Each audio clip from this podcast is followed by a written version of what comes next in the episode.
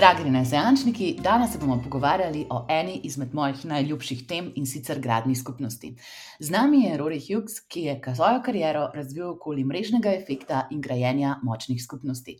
Poleg tega je odličen tudi v razvoju posla, marketingu in kreaciji vsebin.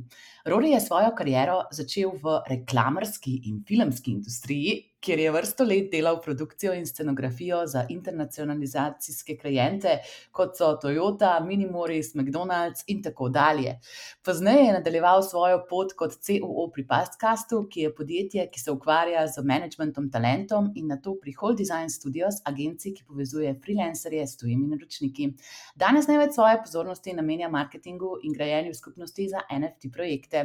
Odlikuje ga tudi ljubezen do ustvarjanja glasbe, tako da upam, da nam bodo danes tudi kaj zaigral. Rori živijo, kako si danes? Zdravo, um, malo trema, ampak načeloma pa fantastično. Lej, veš kaj, jaz sem že prebrala internacionalizacijske namesto internacionalne klijente, tako da mislim, da dosti hujš od tega ne more biti. Aj prav. prav, se bom skril za to. daj, daj, daj, daj, daj, to je to. Evo, lej, zdaj pa skupnosti. To je ena taka strast, ki si jo mi dva zelo deliva in tudi eno tako področje, ki je v bistvu zelo prezrto v naši marketinški skupnosti. Res je zanimivo, vsi hočejo imeti skupnosti, redko kdo ima kakovostno skupnost. In najprej bi te zato kar vprašala, kaj so za te skupnosti, kako ti to definiraš? Hm. Uh, ja, bi rekel, da so skupnosti. Um, Da je neka skupina ljudi, um, ki se deli eno vizijo, oziroma um, iste sanje in strmijo proti temu, in, in se borijo za isti koz. Um, in to vidimo vem, in, in v biznisu, ali pa izven biznisa. Včasih je bilo to, ne vem, imel skupnost, um, ko so ljudje skupaj živeli, so si pomagali vem, uh, nabirati hrano, um, ali pomagali so si z pogovorom, ali psihoterapija. Um, dan danes imaš pa to v, v NFT-komunitih, naprimer, um, ko ljudje. Um, Strmijo, pač gradijo za isti projekt, in uh, investira v isti projekt in, in komunicirajo znotraj komunitija. Gre za neko res bli, rekel, um, neko skupnost, um, kjer so ljudje zelo povezani in se veliko, veliko časa uh, preživi v teh komunitijah in imajo velike aktivnosti. Noter, no? Tako bi rekel. Formi je všeč par elementov, ki ste jih zdaj le poudaril. Prvi, da so skupnosti naravne. Da v bistvu kot ljudje imamo zelo močno tendenco, da se družimo s somišljeniki in da skupaj delamo v uresničevanju enega cilja. Ker je drugi pomembni element, ki si ga ti opisal kot lepilo, se pravi, da je nekaj deljenega in fulmijo všeč tudi ta razlikovanje, da ne obstajajo samo poslovne skupnosti, ampak naprimer tudi lifestyle skupnosti ali pa ne vem, religijske skupnosti. Um, takšna je zelo široka, široka, široka definicija je. Um, pol pa, le greva kar s konkretno navezavo naprej, ki si jo rekel za NFT-je.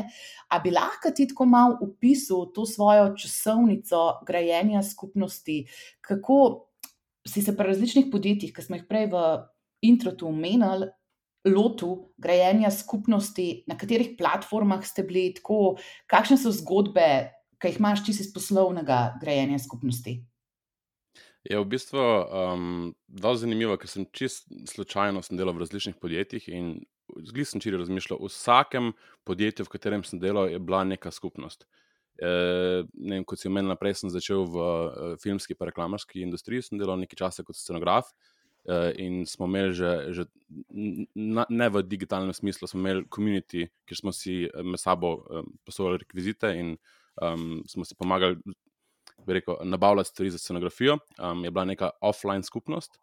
Um, Pozneje sem šel um, v Fastcast, um, ki je v bistvu SaaS Marketplace, kjer smo gradili neke vrste enostranski komunity, um, kar pomeni, da smo imeli veliko bazo ljudi, ki smo jim rihtali jobe uh, in smo mi mogli najprej z njimi spostaviti kontakt, um, da so nam lahko oni odpisali, um, da ni bilo neke dvosmerne komunikacije. Uh, in, in ja, že to je pač ful dobro funkcioniralo. Um, Pol, poz, pozneje sem šel na Hold Design Studio, ki v bistvu prodajajo marketinške storitve, in so imeli komunity znotraj um, um, bloga um, in so dobivali nove stranke tam. Um, Pozneje pa v, uh, na FT-jih, v projektih povezanih z FT-ji, sem imel pa dva različna komunitija uh, in sicer pri enem podjetju, ki se imenuje Listen. Um, je, smo, smo zgradili komunity, ki je bil um, 20, uh, velik 20 tisoč ljudi notrno. In uh, je v bistvu bilo zelo zanimivo, ker je bil. Um, non-transparent community. Um, to je ena izmed, poznaj malo o tem govoril, ampak um,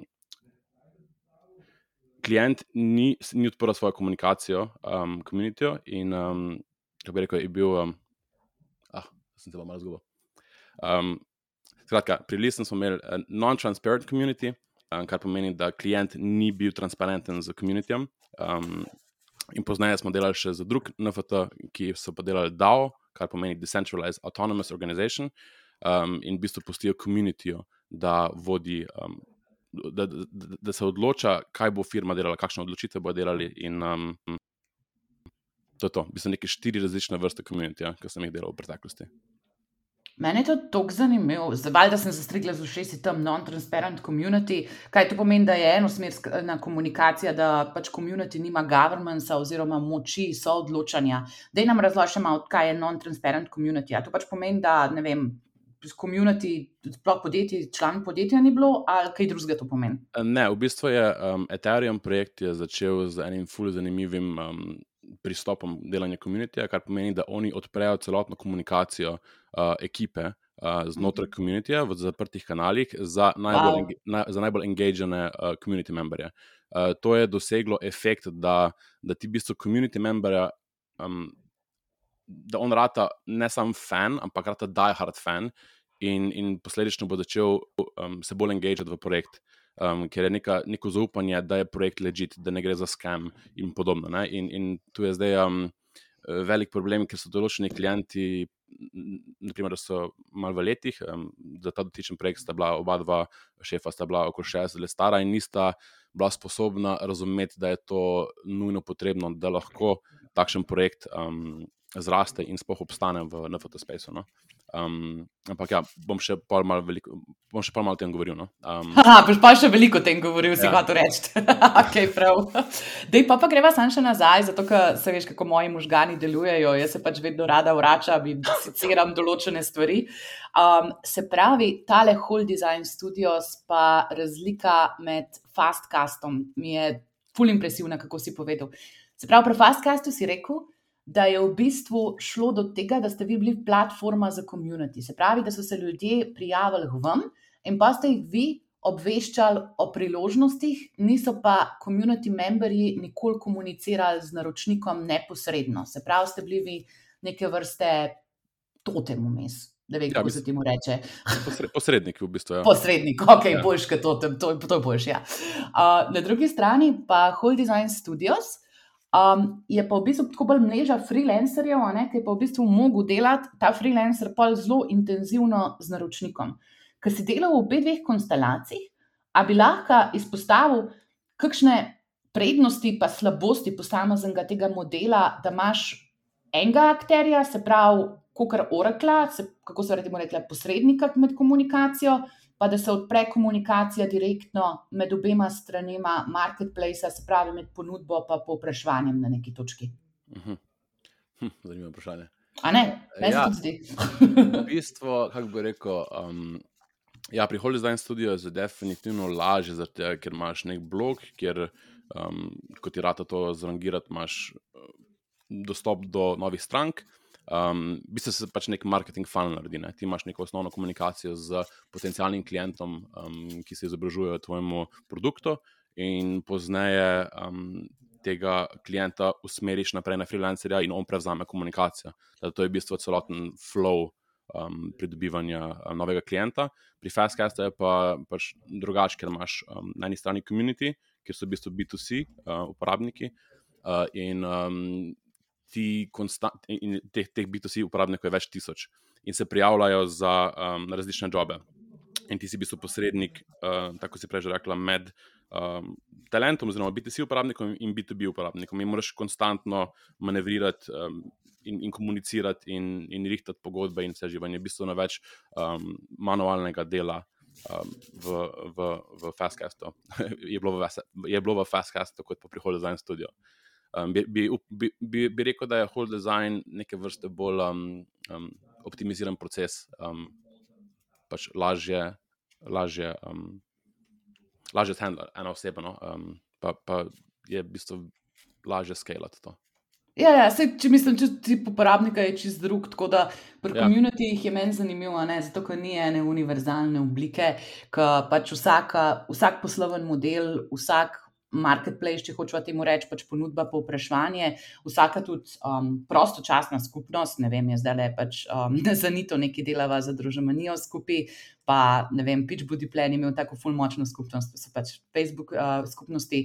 Ampak ja, tako ni enega modela, ki bi ga v bistvu lahko copy-paste, pa ja. rekel, ja. to je to zdaj, pač zdaj se ni treba več s tem ukvarjati. Tako prvič je živo, drugič je pa pač tudi ful odvisno od tega, kaj podjetje dela.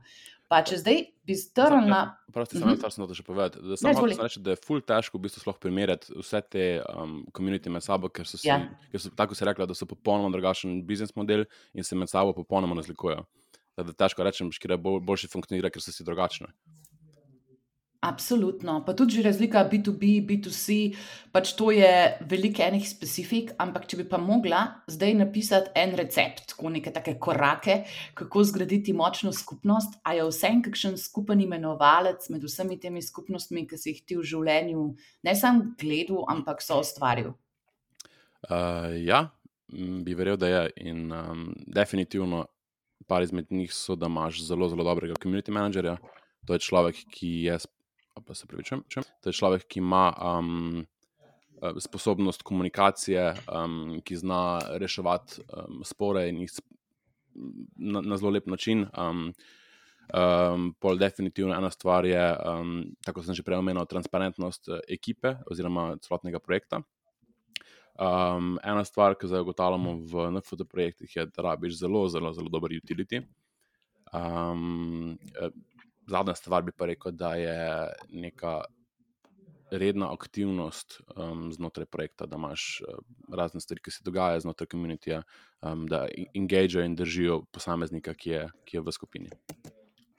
Odlično, se veš, kaj te čaka. Pod vprašanje, kaj pomeni utility v NFT svetu?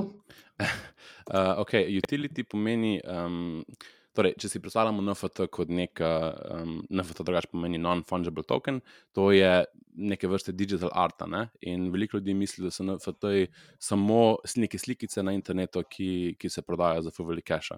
V bistvu je pa um, utility pomeni, da ima vsaka ta slikica neka, neko uporabnost. Torej, ti kot posameznik, ki kupiš NFT, um, zraven dobiš neko uporabnost, ki jo ponuja ta projekt. Zdaj si bom zmislil nekaj, ampak naprimer, videl sem zadnjič en projekt, kjer ti kupiš NFT in to v bistvu velja kot neke vrste stopnice, ki ti, uh, kjer lahko ti na enem otoku uh, brezplačno živiš na.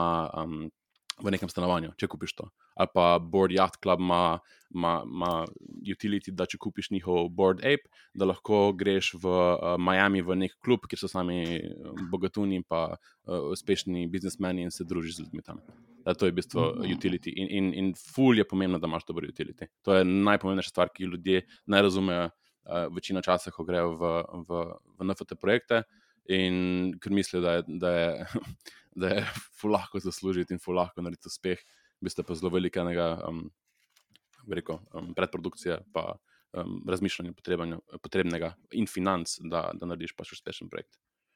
Okay, zdaj bom pa jaz kot dami downala tole. Se pravi, če bi jaz imela eno pol da idejo, da hočem od mojih psov narediti NFT-je, bi pač tako, da bi jih slikala ali pa to skartudizirala, ali pa pač da je jela enega artista, da to dariše v raznih variacijah in kdorkoli bi imel pač tako dostop do tega NFT-ja od mojih psov, bi se lahko pa tako potencialno pol ure družil z njima. To je bil pa utility. Recimo, ja. ne vem, kdo bi ta utility hotel imeti, ampak ok, me veseli, da konceptualno razumemo stvar. Dobro je, super. Ej, pa pa še ena stvar k prejšnjemu odgovoru, ki si ga dal, kje so te skupni imenovalci močnih skupnosti, si pa izpostavil community managerja oziroma dobrega menedžerja skupnosti. Kje je odlike, pa poleg tega, da je aktiven in da znaš rešiti konflikte, ker ti si velik že. Pomagal rekrutirati za community managerje. Tako, kakšen profil osebe dobro funkcionira kot community manager? Pa če se tega, seveda, lahko naučiš. Ja, Definitivno se lahko do neke mere naučiš. Rekl bi, da je definitivno pomaga, če si ekstroverten. To ne predstavljam si, da bi introvertnega človeka eh, spravil v community management. Razen če, razen če je zelo glasen za, za, za tipkovnico. Uh, ampak ja, definitivno ekstrovertnost, um, komunikativnost, odprtost Um, entuzijazem uh, glede projekta je definitivno ena zelo pomembna stvar. Um, prijaznost, um, mogoče malo osladne prijaznosti, um, to se malo čisto na, na, mogoče na robe sliši, ampak um, ta ameriška uh, mentaliteta, the customer is always right, um, je v bistvu ena stvar, ki se mi zdi zelo pomembna, da ti ne zgubiš. Torej, če imaš, na primer, enega človeka, ki ti um, širi negativno energijo znotraj komunitije, da ti ne greš in ga napadeš in mu dokažeš svoj prav in si zadovoljiš svoj ego, ampak v bistvu ga z uh, dobrimi argumenti si sposoben. Konvertirati iz, iz uh, negativnega obiskovalca komunitija v die-hard fana. In, in to je, mislim, da glavni challenge dobrega komunitija. Eh, mislim, da, da se pokaže, če je dober community manager, če je sposoben človeka, ki je nastrojen proti projektu, obrniti eh, v, v čato, da, da ga zna spremeniti v die-hard fana. In, wow. in ti, ljudje so, ti ljudje so ponovadi, uh, po na koncu, najboljši refererji. Ko pride, res, fulje fascinantno, pride noter nastrojeni, totalno šimfajo čez projekt, pa ga pa pol ure se z njim ukvarjaš, in, in na koncu je totalno fascinantno, in ve, večino časa investirajo tudi v projekt. Wow. To je čisto reverse psychology, ker jaz ja. sem bila na internetu vedno don't feed the troll. In pač, kadar je prišel takšen troublemaker, pač asi zgradiš svoj support, pač tiste ljudi, ki se pač pomagajo pogajati s tabo. Um, ful mi je všeč, da si izpostavil res to prijaznost, oziroma ta občutek, da so vsi dobrodošli in da imajo mnenje in to kulturo komunikacije, ker tega toksizma se mi zdi da je pač v tem svetu čist preveč. Ja. Um, da pač ko se ljudje med sabo napadajo. In se jaz razumem, da je pač to funkcija filtriranja, ampak sploh, ko pa delaš poslovno skupnost, so pa to lahko vzorci, ki zelo hitro prerastejo v negativen PR za firmo ali pa pač tako v neko tako krizo, ki ne bi sploh smela nastopiti. Tako da, glede, sem jaz pač to na lastni koži doživela na parih holderjih, ki sem se ukvarjala s komunitijo, da pač tiste so kritični momenti in takrat moraš biti biti tam, pač tisto ne smeš pustiti, da ti ja. usplemeni. In še eno stvar bi izpostavil, da sploh, um, je fully zanimivo pri NFT projektih. Imamo, mislim, da prvič v zgodovini imamo ljudi, ki so stari od, zdaj bom mogoče mal um, rekel pod mejo, ampak 10, 12, 15 let stari. Ljudje, ki imajo full vegnarja in, wow. in nimajo še, um, niso še tako razviti, um, in so dost če lahko rečemo, otroci, oziroma še v obdobju adolescence, in je njihova komunikacija in način razmišljanja popolnoma drugačen, kot pa če se ti pogovarjaš z odraslo osebo. Um, ne smeš pa, um, moš pa vzeti za kup, da ti ljudje so dejansko. Um, Eni imajo ogromen following na Twitterju, in, in NFT skupnost še ni tako razvita, um, da, da ti ne bi mogli narediti ogromne škode, če, če tega človeka ne pomiriš, oziroma če, ne, um, če mu ne daš nekega konstruktivnega odgovora. Tako da um, ja, bi rekel, da je to tudi ena zanimiva stvar, kamor se razvija um, komunikacija znotraj community buildinga. Absolutno, zelo zanimiva. Paroreja, pa obstajajo kakšne metrike, preko katerih lahko merimo moč skupnosti? Um, ja, obstajajo. Jaz bi rekel, da e, ena, ko jaz uporabljam, um, ultimativna metrika je definitivno referral. Um, pač, da ti vidiš, če je človek, ki je, ki je znotraj tvojega komunitija, pripravljen še rad naprej projekt svojim, um, svojim prijateljem oziroma svoj, svojemu um, audiencu. Ne vem, če ima na Twitterju um, following ali pa na Instagramu ali pa na Facebooku uh, ali pa na drugem Telegramu ali pa Discordu. Um, pa definitivno engagement um, celotnega komunitija, torej koliko um, se na mesec pošle. Um, Kako se na mesec pošle sporočil znotraj komunitija, um, koliko novih ljudi prihaja na, na mesec v, v um, skupnost, um, ali raste, koliko je churn rate. Um, teda, ja, to. Um, pa, ja, to bi rekel, da je to. Fulmijo všeč, da nisi rekel število followerjev. Uh, mislim, to, to, to je. Ja, nisem tega rekel, ker uh, vedno bolj ugotavljamo, da, da večina projektov, ko so v NFT spacih, imajo ogromne following, da je pač toliko fake followerjev, da, da, da res sploh ne vem, ki bi začel. Toliko je fake nesa, toliko je enih botov, toliko je enega slabega, um, slabega trafika, ki prihaja iz third world countries, um, iz Filipinov, ki sam pride noter res. Delali smo že to, to bom poznal o tem govoril, ampak razni airdropi, pa razni. Um, Ne vem, kako se točno reče, ne delam iz tega, ker delam moj partner, ampak kako kupiš lead v, na neki farmi, mislim, da se reče lead farma. Uh, ja, ja. ja, in, in kupiš lead, in, in ti, ti airdropne ti ljudi noter v komuniti, in imaš naslednji dan, ne vem, 3000 več ljudi. In pač vse, kar dobiš od teh ljudi, je haj, haj, haj, haj, haj. To je to. In, in, in, in ogromno teh NFT projektov je, je sestavljeno iz pač takšnega fake followinga. Ja, valjda. Se pravi, aktivnost, pa referral, ful pomembne stvari, ki smo se jih zdaj naučili. Odlično. Ja, in to je tudi ena izmed, pardon, to je izmed, ena, ena izmed ključnih stvari, če ti greš investirati v kakršen koli NFT projekt ali v kriptoprojekt, da greš preveriti, kakšen je engagement znotraj komunitija, ker ti da uh, neko verodostojnost, če je legit projekt, če se splača investirati noter. Um, to, to je definitivno pač ena izmed main um, stvari za preveriti. Kako se učimo, to noro. Okay, zdaj gremo pa na presek marketinške strategije, pa skupnosti. Kje se eno začne in drugo neha, kje se zadeve križajo, pa dopolnjujejo. Se pravi, v takem spaceu, kot si ti zdaj, naprimer v NFT-jih, je skupnost ena izmed pilarjev tega, da projekt sploh obstaja, pač en izmed ključnih delov marketinške strategije. Pa imaš pa na drugi strani podjetja, ki rečejo, da bodo naredila komunity in si odprejo Facebook page. Tako, kako ti v praksi vidiš, kje se začne komunity, kje se začne marketing, kako ta dva koncepta sobivata, če sploh.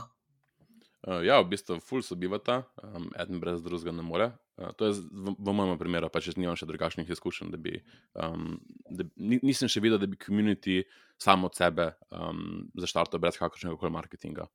Najbolj obstaja, um, nisem še tega doživel, da o tem ne znam govoriti. Um, bi pa rekel, da da je community management popolnoma podvržen marketingu in v bistvu temu, kako dobro je, koliko imaš v bistvu po eni strani uh, ad spenda, torej da lahko zapravljaš za ade. Um, po drugi strani, koliko imaš dobro postavljen organski marketing, uh, funnel za organski marketing. Uh, ali je to pač ne, dobri topiki na Redditu, um, ali so to, koliko se znaš, um, koliko si SEO zrihtaš, itd. Uh, tretja stvar je pa, um, kar se marketinga tiče, ja, koliko imaš ad spenda, da porabljaš, torej ne v plačenih oglasih, ampak znotraj komunitija.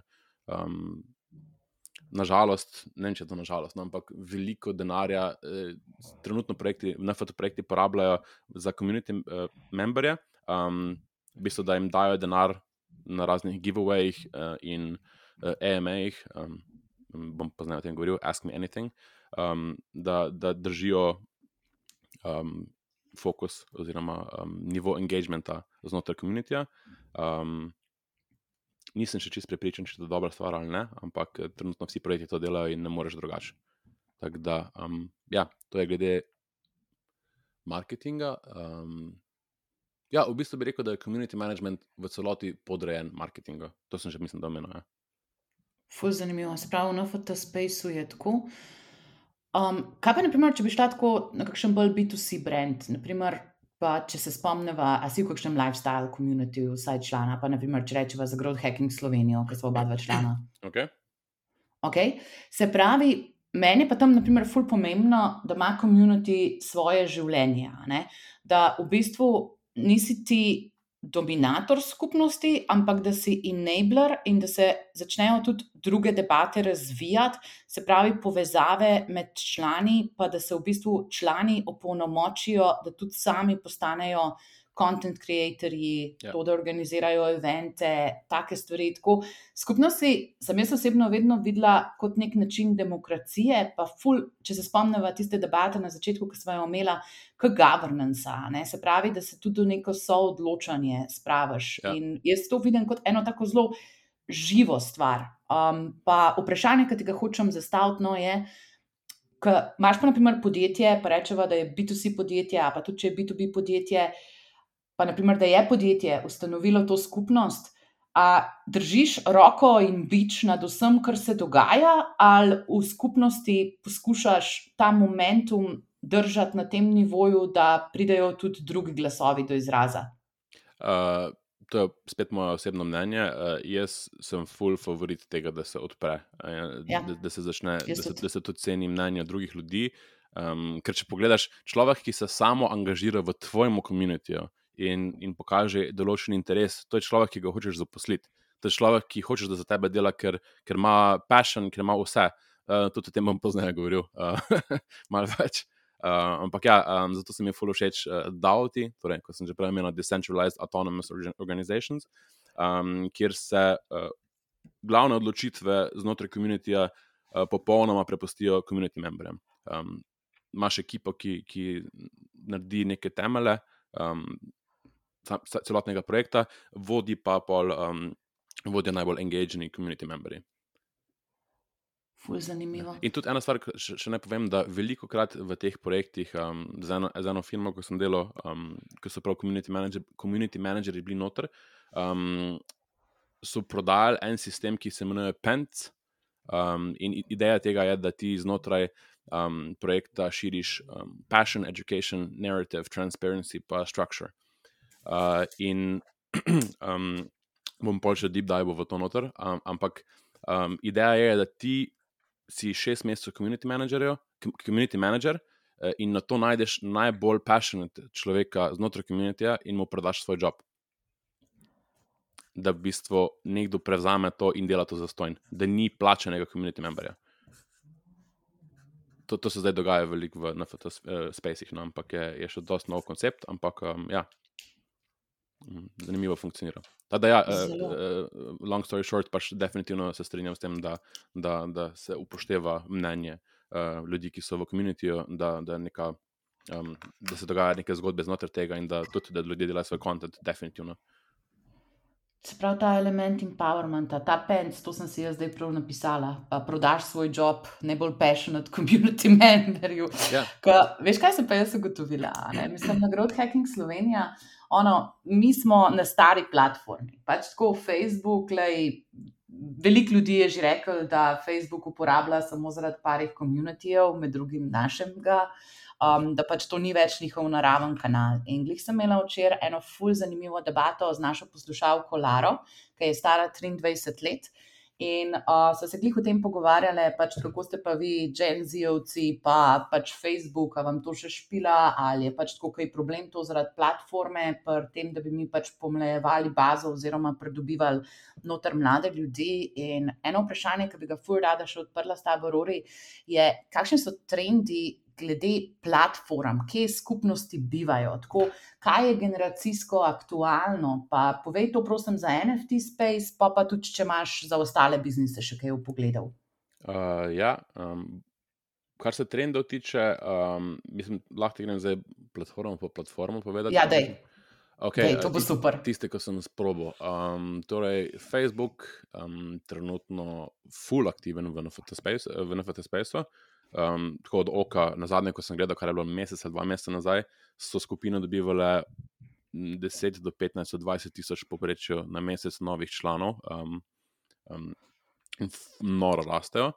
Uh, downs, downside uh, Facebook community je to, um, da če se ne motim, je Facebook pred časom omejil organski reach znotraj, znotraj komunitija. In če imaš ti, na primer, komunity za 100 tisoč ljudmi na Facebooku, pa, pa admin neki posta noter, bo to prišlo do 1-2% ljudi znotraj um, platforme. Ful so omejili um, organski dostop in, in so praktično neuporabne ratele.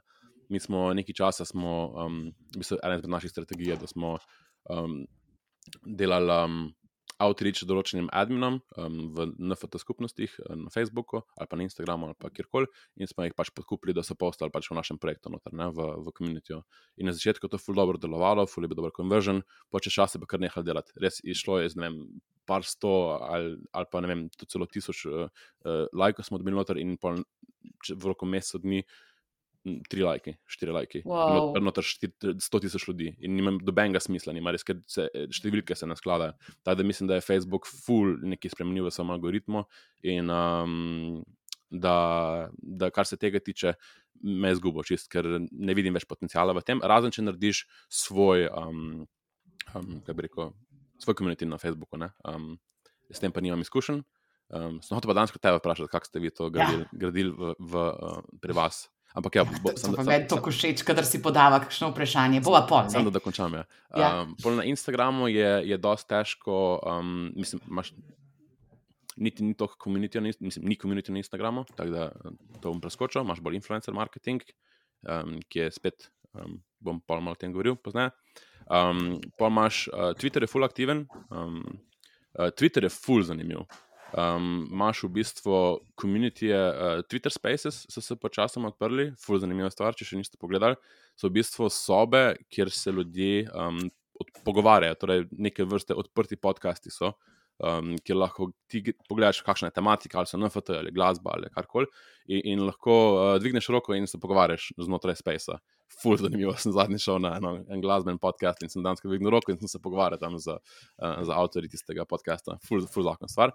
Um, in, in sem tudi opazil, takoj ko sem šel govoriti, me je followalo tako uh, ena deset ljudi, pa ni bila se celo velika skupina, ampak z ful, zanimiva, uh, ful zanimiv način, uh, kako pridobivati nove ljudi, da bi se uturiš na podcast od nekoga drugega. Um, tako da, ja, to je na Twitterju, uh, pa Twitter je v NFT Space vodilen, kar se tiče um, pač ljudi v tem spaceu. Um, je neka skupnost, ki sledijo vsi vsem in, in tam narediš, po mojem, največ um, uh, acquisitiona za nove ljudi. Uh, je pa definitivno problem v tem, ker postaja full drug space, sploh kar se influencerjev tiče, um, pa full effect following spet. Tako da moraš zelo preveriti uh, source, um, kje zapravljaš denar. Um, um, ja, to je to. Uh, Reddit, vidim, da je full aktivno, če si iskren, ga še nisem krakno, me pa full zanima, ampak mi je trenutno še nisem imel, še nisem imel kapacitete se z njim ukvarjati uh, full engagement na, na Redditu. Res se zdi mi, da je nek uh, um, skrit dragulj, uh, ki ga ljudje ne, ne cenimo dosti in spoh ne vemo, um, da obstaja. Uh, ali pa sem to moj, moj take on that. Um, teda v prihodnosti bom definitivno mal deep dive v, v Reddit. Um, ja, po mojem pa še Discord, pa Telegram. Um, Telegram, um, se, Telegram se širi z um, pomočjo 5 adsov ali pa preko um, naprimer, da imaš, uh, tako sem prej omenil, da smo kupovali. Um, um, kako se reče, da smo, da smo postavljali oglase znotraj Facebook um, skupin in smo pol. Um, redirectorali trafik iz Facebook skupin v, v Telegrame, na tak način smo gradili, ampak zdaj to ne funkcionira več. Uh, ali pa da iz, iz, uh, Telegrama, uh, sorry, iz Twitterja um, probiš ljudi dobiti v, um, v Telegram. Uh, isto za Discord, čeprav z Discord je pa to malo teže, um, teže narediti. Um, Discord pa isto še trenutno pravimo kraknati, ker je full težko delati akvizicijo. Um, imaš enih fake načinov, kako to buildati, ampak ja, nismo še popolnoma usvojili tega, da bi lahko zdaj full govoril, um, da je dostojno o tem. To bi pa takšen zanimiv pregled. Ta uh, Twitter, uf, noro. Ta Twitter room, to moram jaz tudi zdaj probati. Ja. Fule je ogromno informacij in težko delam selekcijo, ker je res ogromno, ja. fule, fule velik space, da pardon, če malo govorim, vse poprek. Ne, ne, fule je bilo uporabno, pa pač tako res si nam dal en takšen širok menu. Um, zdaj bom jaz povedala, kako smo mi to delali za Facebook skupine. Pač, naprimer, v e-commerceu Nejače skupine, ki so no, pač od teh produktnih brendov, so tiste, kamor spustiš noter same klubce. Um, se pravi, da morajo dati številko naročila, ko dejansko kupijo, da pridejo noter, pa se pa z njimi tudi malo več ukvarjajo. To so iz vidika retentiona, pač res tako nejače stvari. Um, druga stvar, ki sem jo videla, pa je, da poskušaš dominirati lifestyle field. Se pravi, ne vem, če se naprimer ukvarjaš, pa ne vem, zakaj imamo ni to danes na konci jezika, ki smo se danes glih dopisovali, evo, z peko kruha oziroma z družmi, da bi pekel, da mhm. pač tam narediš eno tako interesno skupnost vseh, ki jih ta tema zanima. In dos je na tem rasti pač referla, tudi jaz za svojo skupino, pač za Growth Hacking Slovenija, ki jo imamo pač s ostalimi admini, vse poteka na referlu. Pa šli smo tudi v druge kanale, se pravi, ali na eventih, da naredimo call to action, pridružite se mhm. skupini, da pač nadaljujemo ta pogovor. E, sar, stvar, vprašanje, kako ja? dolgo si pa rabila, da si, da si zbildala um, to skupino časovno? Ja, Tako, do tisoč memberjev je prišel relativno hmal, pol je bila ena malo ustavljena rast, bom rekla, zaradi adminske manj aktivnosti. 2017 je moj blind spot, takrat sem pač izdelala kripto na vseh teh super platformah, ki si jih ti omenil prej, Rori, tako da se nisem s Facebookom preveč ukvarjala. Zdaj sem pa v bistvu spet imela en takšen full healthy spiral, sem pa prišel pač iz 5 do 6 ur, spet v parih mesecih, kar je za Slovenijo, pa za oh. tako osko definirano, a veš področje, kot ga imamo mi, se pravi digital marketing, development, mm -hmm. malo UX, uh, kar v redu. No, Pulo redu. Ja. Pa ful velikrat dobivam tudi feedback. Ono, veš, pač to je res knowledge source od folka, tam Ja. se sprožijo določene debate, ki bomo rekli, da pač influencajo sceno do neke mere. Um, tako da ogromen je tudi teh ljudi, ki naprimer samo berejo, preveč, čist preveč žensk med njimi, tako da jaz si želim, da bi ženske tudi malo bolj aktivno so kreirale, jaz upam, da nam bo to uspelo. Ampak ja, tako da bi pa bilo, veš, prav tisto, da bomo prišli v rast komunitija, pa razen tega, da sem pač pisala parim študentskim organizacijam, ker z juniorjem smo imeli težave, pač z Mhm. namenskim pridobivanjem mlajšega kadra, ki ga podjetje itak rabijo. Um, to sem se povezala s parimi partnerji, parkrat smo dali tudi še press release ven, oziroma pač tako pomenili skupnost, ki so nas kot in- eksperte intervjujali. Ampak um, ja, ful razmišljam zdaj, a veš, če bi lahko izolirala posamezne akcije, ampak jaz mislim, da je to rezultat konsistentno dobrega Ja. dela, eventov in pač tem, da ljudje po vseh teh letih tukaj v skupini še vedno dobivajo vrednost. Ja, definitivno. In, in spet, ne, ti v vlogi community managerja, ful dobro delaš svoj job, mislim, polno znanja Hvala. si. Ja, you're welcome. Zasluženo. Ful, si polno znanja, ful se aktiviraš, eh, delaš podcaste, um, pogovarjaš se o svojih klientih, odpiraš drugačne tematike uh, znotraj komunitija in, in je live space. Ne. In to sem hotel še povedati, da, da se tudi pozna v growth hackingu noter, da, da so ljudje angažirani in da je, da je res verodostojen folk noter, kar velikrat ni case, v, v, sploh v NFT komunitijih. Uh, in da je boljše mogoče imeti manj ljudi, Ja, pa, pa te noter, da so bolj angažirani, pa da je boljš, uh, da so, da so kako bi rekel, verodostojni, kot pa da imaš ogromne komunitije, pa da ni dobenega engagementa. Ker um, mogoče na prvi pogled človeka pritegne tista velika številka, ampak na koncu ne bo, ne bo imel noter dobenega interesa in, in sama šara se bo noter um, um, šarala in um, ja, brez veze. Jaz se absolutno strinjam s tabo in zato uporabljam celo besedo prekletstvo velikosti. Jaz se spomnim, veš, kaj je bilo pač, vem, tam 100-200 ljudi v naših komunitijah, pa kako so bili biznis ownerji full aktivni. Zdaj pogosto, ko se pogovarjam s podjetji, dobivam mešane feedbacke v resnici, da naprimer si ne upajo job posta objaviti, zato ker jih je strah, da jih bomo strolali, ali pa ne vem, po drugi strani, da nočejo deliti nekih informacij, ker so to zaupane informacije za njihove biznise. Tako da tukaj se mi zdi, da do fragmentacije imam v resnici ful mešane občutke. Do česa? Pravi, da bi do fragmentiranja skupnosti, Aha, okay. da bi iz skupnosti naredil par podskupnosti. Po eni strani sem to ful dobro videla, kadar so raznolike skupnosti, naprimer pri nas v kriptu, veš, je bila vedno development skupnost, ker pač ne more, neben ne razume, kaj se oni pogovarjajo, če si civilno prebivalstvo, pol je bila ponavadi še Res, sem res. Ne, res, res, da gre to, to, to rabijo, to je developer to developer communication.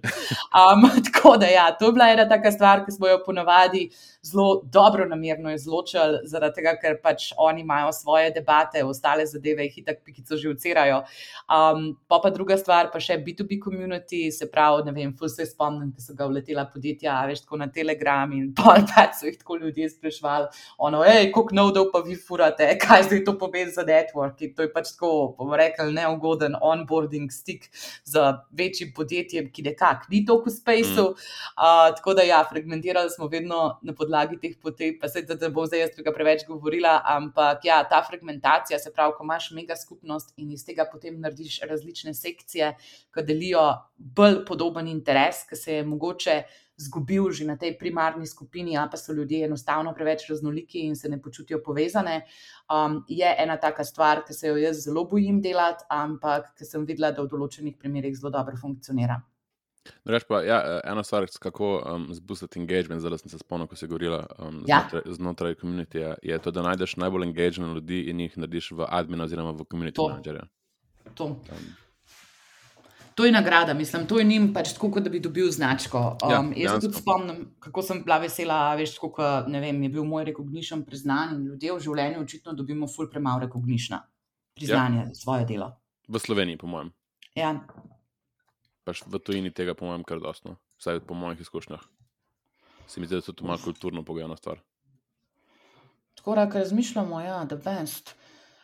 Lej, zdaj sem prišla v bistvu na en ful zanimiv pogovor, kjer bi pa mogoče ga bilo logično nadaljevati z vprašanjem, kako dosežemo viralnost. Zaradi tega, ker ti imaš, a veš, tako ful še teh copyrightih izkušenj, pa ful marketinških izkušenj. In pač vsak bi takrat, da se mu organsko naredijo čudeži, vzpostavil si že prej zavedanje, da ni dobro sam na to računati, mogoče in ne. je fajn imeti tudi kakšen budžet zadnji. Um, ampak, a imaš mogoče kakšen takšen primer iz komunitijev, da so šli res viralno? Um, Ne, nimam uh, izkušenj z viralnostjo, um, pa, š, pa tudi nekega recepta še nimam. Um, uh -huh. Pač sprobavamo fur različne stvari, in problem v, v tem spaceu je, da veliko stvari, kot sem že prej menil, ki so včeraj delovale, danes ne delujejo več na isti način in se fur spremenjajo te um, um, metode, kako zbildati komunity. Um, bi pa verjel, da tistim, ki rata, res narediti nek nor um, community, da je mešanica, pač tako sem že prej rekel, full dobrega organskega marketinga kot fundament, ki ga podpora zraven paid advertising. E, in da je zraven še nor produkt, da je pač res full believable zakon ekipa, vrhunski community manager, um, um, full dobra, uh, full dober pre-launch, uh, dober launch, pa dober after-launch uh, strategy. Um, pa sem omenil že utility. Pač utility, pa, po mojem, ja. najpomembnejša stvar. Ja, no. Te stvari bi rekel, da, da so neki pilari um, viralnega, um, viralnega uspeha. No. Um, in ja, fully težko to dosežeti, no, ker imaš ogromno komunitijo zdaj, to je zdaj porasti, um, ta cel, cel space. In, in ni toliko dobrih projektov, da bi, uh, ja. da bi, da bi lahko šle viralno. No. Um, tiste, ko pa so, so pa. Ja, itek vsi poznamo že. No? Uh, lahko mogoče pol še en, en projekt, ki mi je zdaj zelo zanimiv, ni Nemci, ko delajo totalni raster. Ne spomnim se zelo imena, bom pa šel pogled. Ampak, okay. no, res pač greš njihov komunit, to je 100 tisoč ljudi, tako engagenih, kaj takega še nisem videl. Res, in, Zakaj pa misliš, da je to? Ne vem, ful, kar sem opazil, tako vrh glave, full delajo FOMO, nek fear of missing out, pa full delajo take personalized videe, ker imaš dva founderja, ko sta stara, ne vem, 25, ko govorita čist transparentno v projektu, v kateri fazi so, kaj se dogaja, in, in, in full ta hype. In je tako, da bi gledal neke najstnike na, na koncertu od Beatlov, ki se derajo tam, čist pišejo, kot zmešani. Um, full zanimivo res. In so tudi sell-out, sell-out, sell-out ali so takoj. Um, in ja, folk jim refora na polno. Tako da, ja, mogoče bi bilo pametno preučiti v kratkem. Še nisem. Če bom, bom šel, pa lahko delim. Absolutno, ne, to je fulj zanimivo. Veš, rodi, jaz zdaj še razmišljam. To viralno sem mogoče malo neugodno formirala vprašanje. Se pravi, veš, kaj sem se jaz v bistvu nanašala? Je ene zelo konkretne izkušnje, da nam je vedno komunity eksplodiral, če smo delali s kakšnimi influencerji, uh mhm. -huh. ali pa če smo bili pač tako izpostavljeni med go-to projekti v kakšnem, pa jaz temu rekla, PR, ja. pa ne mislim ja. s tem revi, ampak naprimer na kakšnem mediju. Kje so še mogoče ti podporni kanali, pa rekel si, da boš pol malo več povedal še o influencerjih, če se pač s tem strinjaš. Ja. Jaz največje spajke sem res delala, gledala takrat, ko smo pač tako dobili YouTube reviewerje. To je bilo ja. nejače. Mi smo, mi smo delali zdaj meš, mi smo imeli za enega influencerja, uh, ko je, mislim, da ima okoli milijon uh, followerjev na YouTubu, pa je naredil um, mention. Um, pa moram priznati, da ni bilo neki, ni bilo neki full uh, odziva.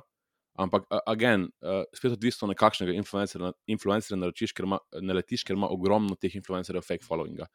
Um, na, Twitter, na Twitterju, naprimer, če je glih najbolj relevantno za NFT Space, ne, imaš ljudi, ki ima 250 tisoč followerjev. Pa pa pogledaš njegov post in ima tri like. In pač računa pa Jure 200 za post za 24 ur. Absurdne cene. Uh, ampak ja, um, bottom line je, do your research, preveri, kje influencerji so legit, kje niso, full je fake. Eni imajo celotne, um, ne vem, 20 influencer, 20 page imajo in prodajajo svoje storitev za enormne denarje, in nimajo dobenega engagementa. Tako da, full paste ljudje, ki se s tem ukvarjate, da, da, da ne boste naleteli na, na, na šaro. Um, ne vem, jaz osebno ne prisegam na doben influencer platformo, grem sam v, v research in pogledam, kdo ima engagement, kdo nima. Kako računajo, če se splača, da pošlje kakšne case studies za nazaj, preračunam, če je return on investment in, in sprovamo. Um, na tak način. Um, to je glede influencer marketinga. Um, ali pa še ena stvar, je, je pa trenutno to, pač v NFT space cene rastejo. Na tedenski bazi in je noro. Pač eni ha. računajo po en eter na, na post. um, pač absurdno, absurdne, absurdne denarje so. Um, Drugač pa stvar, ki še nisem omenil prej, um, definitivno pomaga partner, partnershipi. Um, torej, če imaš, um, če si v nekem spaceu, ne vem, imaš, da reko, um, uh, športne stave, da najdeš močnega partnerja, uh, ki se ti pridruži k projektu in v bistvu njemu ukradeš um, following. To je, po mojem, tudi eden izmed najefektivnejših uh, načinov, nismo tega še delali, zdaj imamo en projekt v Pacu, ki, ki, ki, ki pravi, da ima ful, pač veliko partnerjev, tako da bom videl um, v prihodnih tednih, če bo kaj iz tega. Uh, ampak um, sem slišal, pa, da eni projekti pač večino followinga dobijo tako. Ker, ker je vse v bistvu logično. Ti imaš nekega partnerja, ki že ima trust svojega komunitija, ki je že vso delo naredil, in pol te samo omeni kot partnerja in, in ti preda following, ne? če imaš dober projekt, ki je um, podoben tvojemu. Uh, tako da to definitivno. Um, za PR smo imeli veliko PR-a, osebno nismo imeli nekega full uh, odziva, pa smo na, na, na, glavno, na glavnih kripto platformah um, imeli članke. Um, tako da, glede PR-a, nijem najboljših izkušenj, pa full je drag PR. Ne, mi smo plačali za en projekt, mislim, da 40 ur za PR paket, um, za, za nekog članka, za par člankov, noro, pa ni bilo nič efekta tega. Um, to, pa kaj sem še pozabil. Um, ja, sem še, ne, mislim, da je to. Ok, kul. Cool. Škaj bi mogoče samo še tam na influencerjih, um, z mojih izkušenj, no? ful velikih je, bom rekla, temu malo prodanih duš. Se pravi, ti si ja. upozoril na fake followership. Jaz bom pa sam pač tako rekla, da ni higienično, da ti na dan šila pet različnih projektov. In te oglasni bordi, to je tudi nekaj tazga, ki jaz, ki se menim, ali gre za osebinsko partnerstvo, pač nekdo, ki res pač pove nek konkreten no, stvar v našem projektu, a pa se tega sploh ne grem. Zaradi tega, ker če si eden izmed desetih, um, to je tako slabo. Mislim, ne, ni kredibilno, ni tisto, veš, da ja. pač folku res lahko vse v glavo zmetu in oni bojo kar veselo klikali vse, kar si jim dal 25 različnih stvari za poklikati. Isto vidim na B2C influencerjih. Mislim, to je ful boljš, da delaš s parimi, pa ja. bolj dolgoročno, pa da imaš eno zgodbo, pa neko avtentičnost, kot da greš, k, ne bom jih omenjala po imenih, ampak mislim, da imamo že predstavo, kdo so. Ja, se definitivno strinjam in sploh, če delaš v tem spaceu, je. Um, ne vem, jaz jaz sem pred meseci. Pač Počel mi je film, zato sem, vse je bilo fake, vse, kar sem delal, je bilo fake, vsemi ljudmi, ko sem bil v komunikaciji, vsi influencerji so bili fake, vsi ti prodajajo neke, neke bučke in je to, ki je ene, ene šare, da, da težko, težko najdeš um, relevantne ljudi. No? Um, res je težko in moš res iskati. Da to je kar um, pomemben del um, buildanja komunitija in hkrati zelo um, dolgotrajen in uh, toroben. Zanimivo. Kaj bi lahko malo še povedal več o teh bountih, pa airdropih, pa te zadeve, ki so malo še specifične za NFT? Ja, ja um, torej, uh, aha, sem da še omenim. Um, Smo to reči še glede um, ja, kupovanja lidov. Um, to sem se zdaj spomnil, da, da to še dela, da kupujejo lide um, na različnih um, agencijah, lead farmah. Um, Um, to delajo ful v, v NFT spacih in spet um, odvisno, ki jih kupiš. Lahko, če kupiš iz Tier 1 country, torej Amerika ali pa UK, ful so dragi in um, včasih čas plačaš tako Jurija, pa ne dobiš skoraj nič lidov. Um, če kupiš pa iz Tier 2 ali pa Tier 3, um, dobiš pa ful shit, um, ful shit ljudi v, v komuniti in je, nima, nima smisla. Uh, pa ja, še ena metoda, ki pa uporabljajo, so pa airdropi. Um, bom zdaj, ja, um, je pa fulje tega, bi se delal Green Competition, razne giveawaye, airdrope, um, um, AME, to je Ask Me Anything. Um, ampak ja, lagrem po vrsti, če, če hočeš. Da... Ja, da je, to je dobro, ko greš ti po vrsti. I like that. yes, lady. Ok, imaš, um, torej, Glim Competition delajo, kjer delaš um, giveawaye. Um, oziroma ne, imaš nek kontest. Ne vem, naprimer, če imaš um, en, en glasben NFT, smo imeli, kjer smo delali, um, ne vem, da si mogel posneti karaoke video in uploadati um, video. Pozneje smo zmagovalce v komunitiju zbrali um, in, in zmagovalce, da bo pač ali NFT, ki mi je pol airdropan, um, torej dan uh, NFT, uh, ali pa pač je plačan v, v ETO ali pa v katerem drugem kriptu. Um, to so stvari, ki jih ful delajo, ampak to je spet odvisno, koliko imaš marketing budžeta. Um, problem pri teh giveawayih je v tem, da dobiš audience, ki ni dober. In dobiš folk, ki so zastojnkari in si želijo zastojne stvari.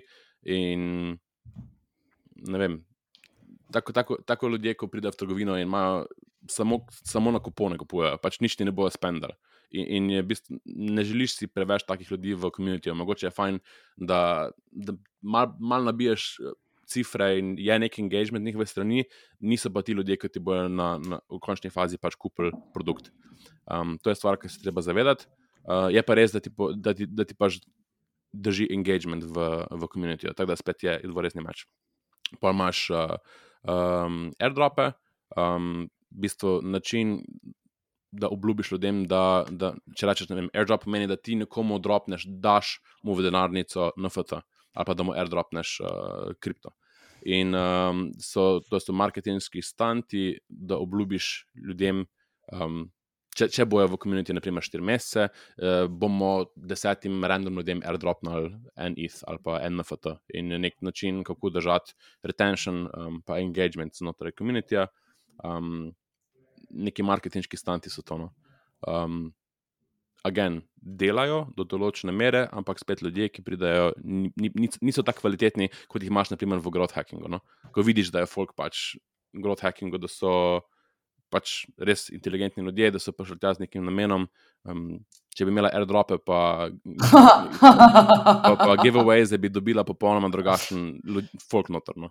In bom dala jaz za ston, kakšno je knjigo. ja, to, je, to je vredno, ampak spet, če pa začneš za ston denar talati ali pa NFT, je pa. Ja.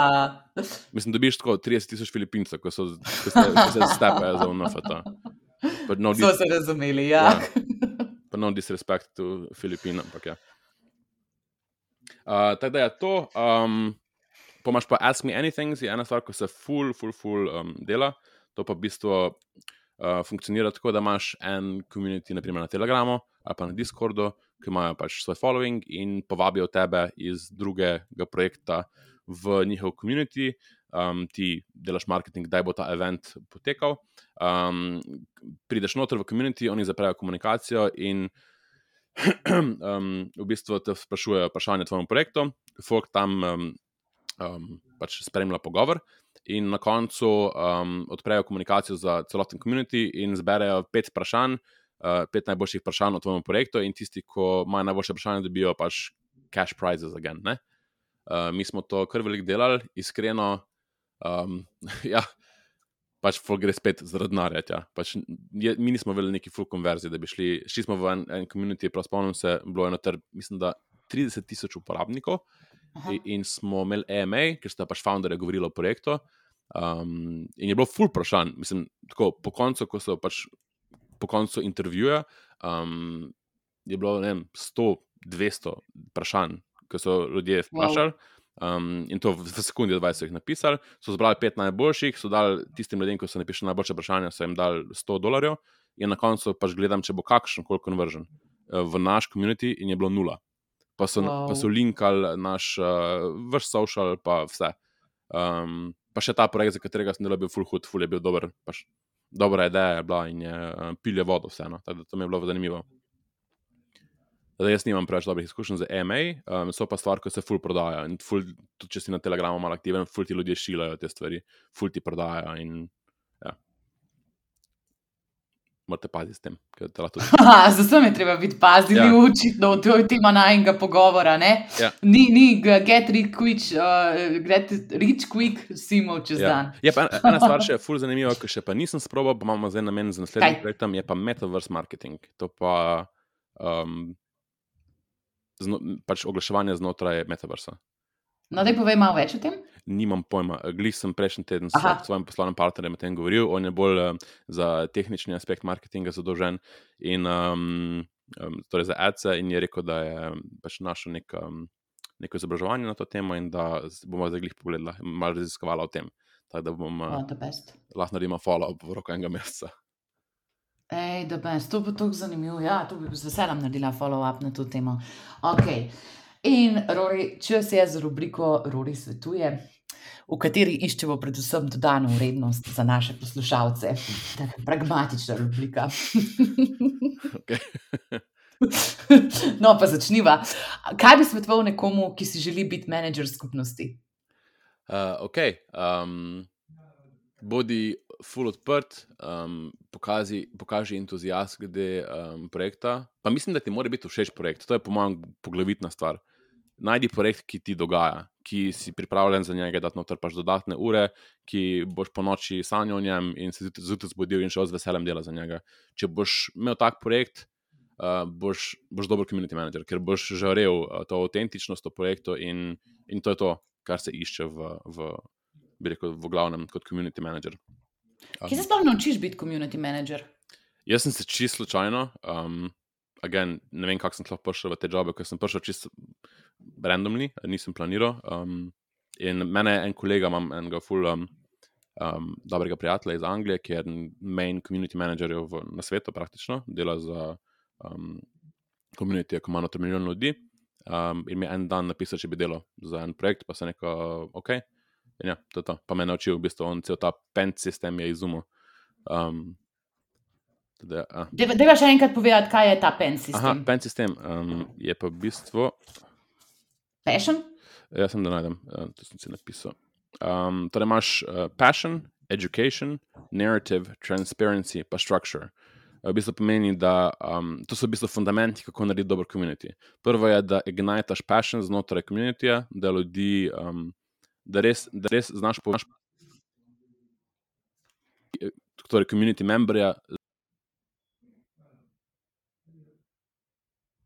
Da, da ljudem ne plačuješ, da so v komuniti, ampak da jih res, da jih intrigaš z idejo in z dejanskim produktom. Pa imaš education, imaš, da imaš noter konstantno education flow o projektu, um, da ljudi izobražuješ, zakaj se gre. Uh, pa imaš narrative, um, da narediš zgodbo, um, zelo nek gamification sistem znotraj, um, zelo bolj zgodbo, zgodbo znotraj samega komunitija, uh, um, ki je, se lahko aplicira na tvoj projekt. Naprimer, mi smo imeli pri Listen, bil, um, imeli smo Rockstar, noter, no? um, pač svetovna celebrity smo imeli in smo zaradi tega naredili Rockstar theme. Ne? In si imel znotraj Discorda, smo imeli različne ranke, um, ker si lahko imel. Um, um, ne vem, na začetku, ko si prišel noter, si imel. Um, osnoven rank je bil Learning to Play, potem si imel naslednji rank je bil Garage Band, potem je bil naslednji rank je bil uh, Number One Record, potem je bil um, uh, Hall of Fame, pa Rockstar. In to so bili pač različni uh, tematike v bistvu, um, ko si šel čez, um, um, ko si dobival um, preko, ko si šel čez levelo no, um, znotraj Discorda. In s tem, ko greš čez, le, čez levelec, dobivaš pač vedno več. Um, uh, bi rekel, dovoljenje znotraj komunitija za, za pogovor z ekipo, pa za določene kanale se odpira, itd. Uh, ok, gremo dalje. Uh, transparency je zelo podoben, torej da imaš, again, um, da imaš uh, popolno odprto komunikacijo znotraj um, celotnega projekta. Um, in med developerji, da prav pokažeš, kaj se developerji pogovarjajo, da lahko ljudi, ljudi to berejo. Um, da imaš marketing strategijo odprte, da imaš, um, ne vem, kore ekipe, kar se pogovarja, da imaš vse kanale odprte. Um, to je zato, ker boš dobil pač iz fana, boš dobil hard, uh, die hard fana, ki ti bojo pač širili naprej ta projekt in, in boš full pridobil na referralu. Um, zadnja je pa structure, je pa um, pač mej uh, narediti Discord na mesto Telegrama. Zato, ker, kot sem že prej malo menil, lahko full bolj narediš, um, full boljšo strukturo znotraj Discorda. Telegram imaš pač en kanal, imaš lahko bote noter, ki ti pomagajo. Um, menedžirati uh, ljudi znotraj komunitija, lahko jih ven vrže, naprimer, če, če klejo ali pa če so rasistični ali pa če kar nekaj govorijo. Da, to imaš funkcijo na Telegramu, znotraj Discorda lahko te bote naučiš full več. Imaš, um, mislim, uporabljal en bot, ki je ME6 bot. Lahko polinkaš, naprimer, ne vem, vsako objavo iz socialnih medijev, lahko polinkaš no, Discord, v Discordu. Imáš različne kanale, um, imaš vem, kanale za um, roadmap, za, za Eh, projekte, pa imaš kanale za um, voice chat, naprimer, ne? imaš kanale za general, imaš različne kanale, ki lahko. Um, ja, specifične kanale znotraj vsakega projekta in, in se lahko ljudje tam um, lahko komunicirajo. Lahko narediš v, znotraj Discorda ne, več, naprimer, um, bilingual um, ali pa več. Um, um, kanale za različne jezike uh, znotraj tega projekta, ne? da lahko um, si daš več duška glede tega uh, strukture. To ne, pa to je fully zanimivo, prosti, ki te prekinjam. Ampak tudi, naprimer, tako sem zdaj razmišljala, imamo pač Facebook skupino, kjer bereš vse od tega, ne vem, star sem 20 let in imel bi prvi job, do tega Facebook mi ne dela, ne porabi vsega mojega keša. In da se pač to, naprimer, na Slacku, bi bolj po tematikah, ki so relevantne za posameznika, ja. strukturirali. Lahko spet na Slacku, ampak sam Discord je next level. Ne? Fulga je teže naštudirati, ampak ti lahko greš v take razsežnosti na, na Discordu, um, pa fulga avtomatiziraš. To mi je všeč na, na Discordu. Um, Ful se za naučiti, ampak Slack nima za burek proti Discordu. lepa, ja. lepa, punčline. Ja, ful, ful, teh, ful teh botov lahko bi se ti naučil, da ti ful avtomatizirajo proces. Um, to mi je všeč, uh, kar nas lahko, ne vem, če lahko, razen če bi z. Um, se da, ampak bistveno manj. No. Um, teda, definitivno, pa če se boste lotili uh, kakšnega koli komunitete delati, priporočam, da se držite teh. Um, um, stepov, pa da držite to, um, da, da naredite na Discordu. Vsi mi dal dobro idejo. Ne, jaz sem se že preverila, mislim, meni pa je vedno pomembno pri teh platformah, da imajo ljudje eno navado uporabe tega. Ne, zaradi tega, ker pač who are we, da bomo folku rekli, da se boš pa en nov kanal naučil. To, to je pač tako malo obsojeno na propad. Tako da to bi bilo treba prej eno raziskavcev vršiti ven, a pač tako bi ti bilo to gud, a si že na kakšnih diskordih aktiven. Ker ne vem, če jaz tam ne naredim skupnost, pa si bom zmislila, da je en glup social media ne vem, če rečem zdaj, da gremo vsi na Snapchat, pa če ja. vemo, da pač to izven Francije noben več ne uporablja, ja. bi bilo to obsojeno na propad, zato ker sem pač naredila dan decision. Mislim, to se popolnoma strinjam in, in res je to. Um, jaz sicer, eh, glede na FT projektov, je, so komuniti na Discordu in na Telegramu v porasti. Ja. Bi rekel, da, da bolj v porasti so na Telegramu, vsaj po mojih izkušnjah, in da Discord počasi dobiva following zdaj. Ker Discord je bil narejen prvotno za gamerje. Um, ja in, in zdaj se v bistvu nekako konvertira v, v biznis um, komunitije. Uh, je pa definitivno en zanimiv način, kaj lahko narediš, ampak je malo več dela. Uh, je pa, da ne, naprimer, ljudje iz Facebook grup jih uh, daš na, telegra na Telegram in pol iz Telegrama jih pustiš v Discord. In bi se naučil, naučiš, naučiš jih, zakaj to narediti in zakaj Aha. je dobro, da se na Discordu. Um, en izmed glavnih argumentov je, da na Discordu imaš naprimer, um, verifikacijske procese, da priješ noter in da je full mind botov in da imaš full mind um, pač shit, shit, shit contenta in full mind šilanja noter in full mind um, uh, crap requestov. Um, teda, načeloma je bolj clean Discord. No? Um, pa gen, različne funkcije imaš, imaš igrice noter, imaš um, chat functione itd. itd., itd. Ej, top, full dobro. Zdaj pa pred zadnjo vprašanje imamo, zadnjo, kar se je di vprašanje, ampak je posebno presenečenje, ki sem ti ga pripravila. Tako da, ajde, to vprašanje, ki ti ga moram še zastaviti, je pač za podjetnike. Se pravi, če so te určki pogovora zastrigali z ušesi in rekli, jaz bi tudi komunity, kako se lahko tega lotijo za podjetnike? Za podjetnike. Uh, ja, gen, uh, one punkte, kot sem prej povedal, torej uh, passion, transparency, structure. Um, definitivno je to, um, so, so, so točke, katere bi se jaz držal. Um, druga stvar za premisliti, um, vsaj če, če delate v NFT spacih ali pa v, v kriptospaceu, je, da odprete komunikacijo celotne ekipe. To je full, pač no mindset, veliko ljudi ima probleme s tem. Um, ampak this is the, this is, this is the, the future. Pač večji projekti delajo točno tako, in um, vidi se že, da ljudje niso več samo kupci ali pa pač fani, ampak da res ratujejo, da je hard fani in, in ti da hard fani na koncu in šilajo projekt naprej in ga delijo na svojih socialnih mrežah. In um, se res, res, res aktivno angažirajo uh, delajo svoj kontent, uh, tako se prej sama rekla, znotraj komunitija um, in, in pač dajo tisti extra work noter, ko ga drugačne, ker verjamejo to več v projekt. To, to je po mojem fundamentu vsega. Um, druga stvar je pa to, da ja, um, poslušate komunitije, poslušate predloge, kaj imajo zapovedati. Um, Ful velikrat imaš ekstremno inteligentne ljudi noter, ki, ki imajo ogromno pojma, um, celo več kot ko mogoče community manager. To se meni veliko zgodilo, ko je prišel nekdo noter, ki je pač rasturo, pač blizu, ne ja. vem, content writer za, za kripto, pač skrijem se lahko pred njim. Uh, in je pač spoznal space, tako da jaz nikoli ne bom. Uh, in sem rekel, da pač, bi sodeloval, uh, bi, bi bil um, noter community manager znotraj komunitije je rekel, ja, da lahko dela to, mi smo mu dali tokne. Uh, ali pa NFT v zameno, in je pač imaš vrhunsko osebo, ki, ki pol dela zraven tebe in, in širi znanje naprej, in, in ozaveščenost v tvojem projektu. To bi rekel, da je nekako, um, um, ja, so to osnovne stvari. Pa da imaš dobrega community, community managerja, torej nekdo, nekoga, ki je res passionate about the project, ki je um, retorično sposoben, ki je angažiran, pa ki ima čas. Vrhunsko.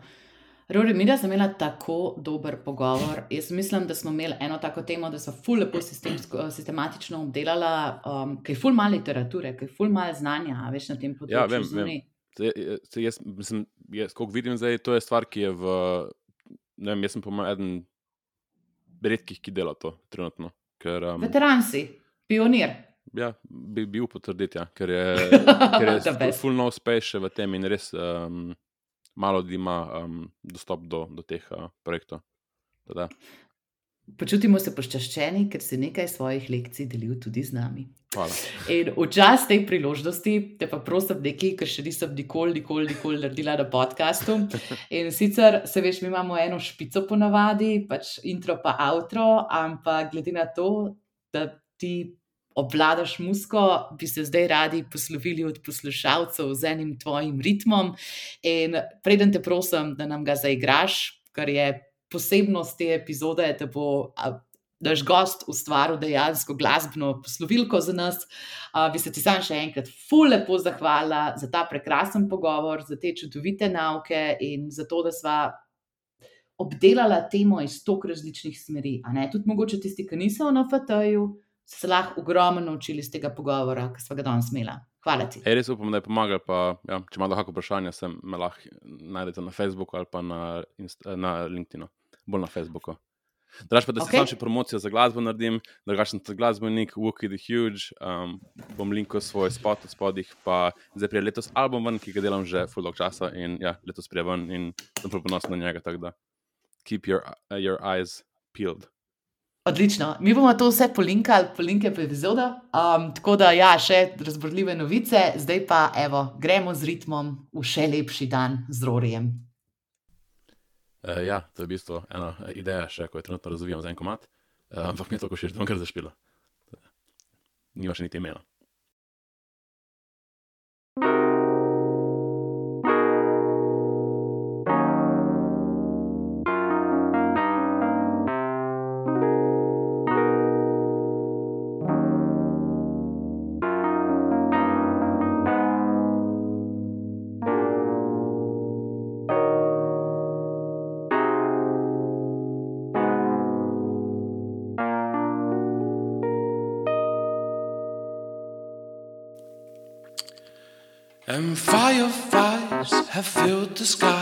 Since we have parted ways. And devil's lies wrapped in disguise hit a hound my counted days. But I don't cry when friendships deserve to die. I'll just take myself a little bit more time, a little bit more time a little bit more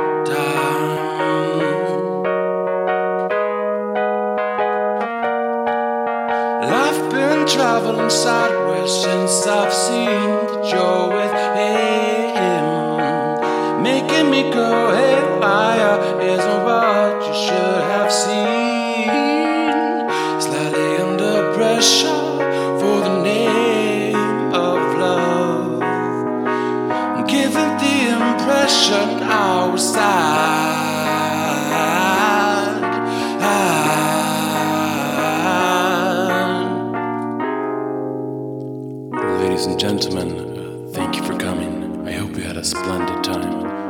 been Maya Voyeurs Renaissance Talk. Happens every Friday at your local internet provider. Hope you come again and see you soon.